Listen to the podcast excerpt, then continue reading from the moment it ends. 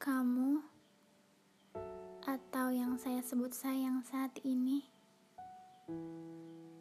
anugerah terindah yang tiba-tiba saja dikirimkan Tuhan untuk menitipkan beberapa pelajaran.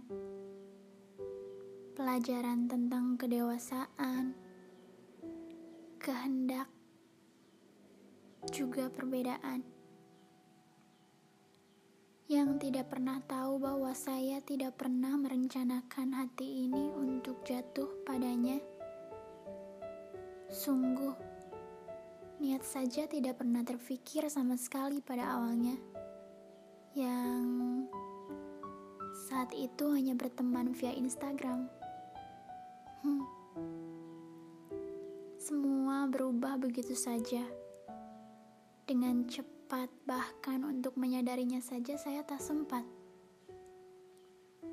Kasih sayang yang pada awalnya tidak ada sama sekali, kini menjelma ketakutan terbesar bila saya harus kehilangannya. Aneh bila saya harus membayangkan hari-hari saya kalau nggak ada dia. Cuma ya, gimana? Kita gak tahu rencana Tuhan seperti apa.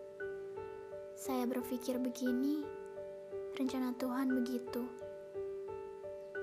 Sejak dia masuk dalam hidup saya, doa saya cuma satu. Tuhan, saya mau dia. Itu saja. Saya sebenarnya berharap sekali bahwa dirinya dikirim Tuhan bukan sekedar menitipkan pelajaran, tapi juga untuk bisa saya sayangi sepenuh hati. Saya menyayanginya. Sayang sekali. Saya menyayanginya bahkan lebih daripada saya menyayangi kekasih saya sebelum dirinya. Maka bila kata selamanya terlalu abadi, tapi Tuhan, saya mohon untuk tidak saat ini. Tolong beri waktu lebih lama lagi untuk kami bersama. Saya pernah berpikir ke mana dan bagaimana akhirnya setiap kali berdebat dengannya, rasa takut membayangi pikiran saya tentang hubungan kami. Saya sedih, berusaha keras untuk tidak mengeluarkan air mata. Saya terlalu mengenalnya sampai saya tahu bahwa harusnya pikiran ini tak perlu ada. Saya memang gak pernah tahu apa yang akan terjadi di masa depan. Bahkan, satu jam setelah merekam podcast ini pun, saya gak tahu. Tapi saya yakin bahwa gak akan ada yang percuma. Saya bertahan bukan karena saya tahu kamu yang terbaik, tapi karena kamu berhasil buat saya ingin selalu jadi orang yang lebih baik.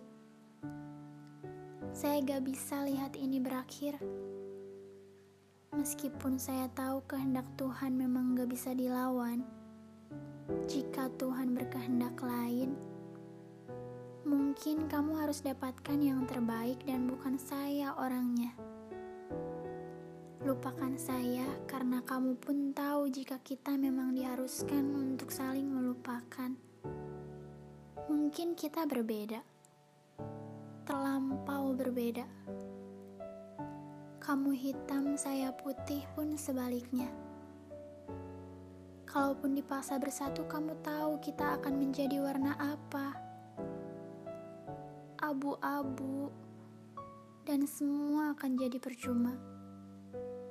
Tapi itu semua hanya jikalau.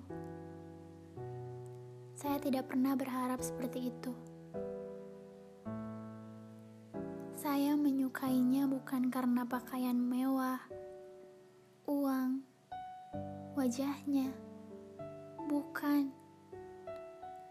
Saya menyukainya justru sebab dari bagaimana cara ia menanggapi masalah di hidupnya dengan cara yang santai, bercanda, tapi sederhana. Dia adalah satu yang mustahil untuk direlakan. Senyumannya dengan lesung pipit di sebelah kanan pipinya pria dengan jaket The North Face hitamnya dan pria dengan Vespa biru bernama Cheryl. Begitu katanya. Yang membawaku di setiap perjalanan saat bersama dia. Aku senang. Dia senang. Aku menyayanginya. Dan itu selalu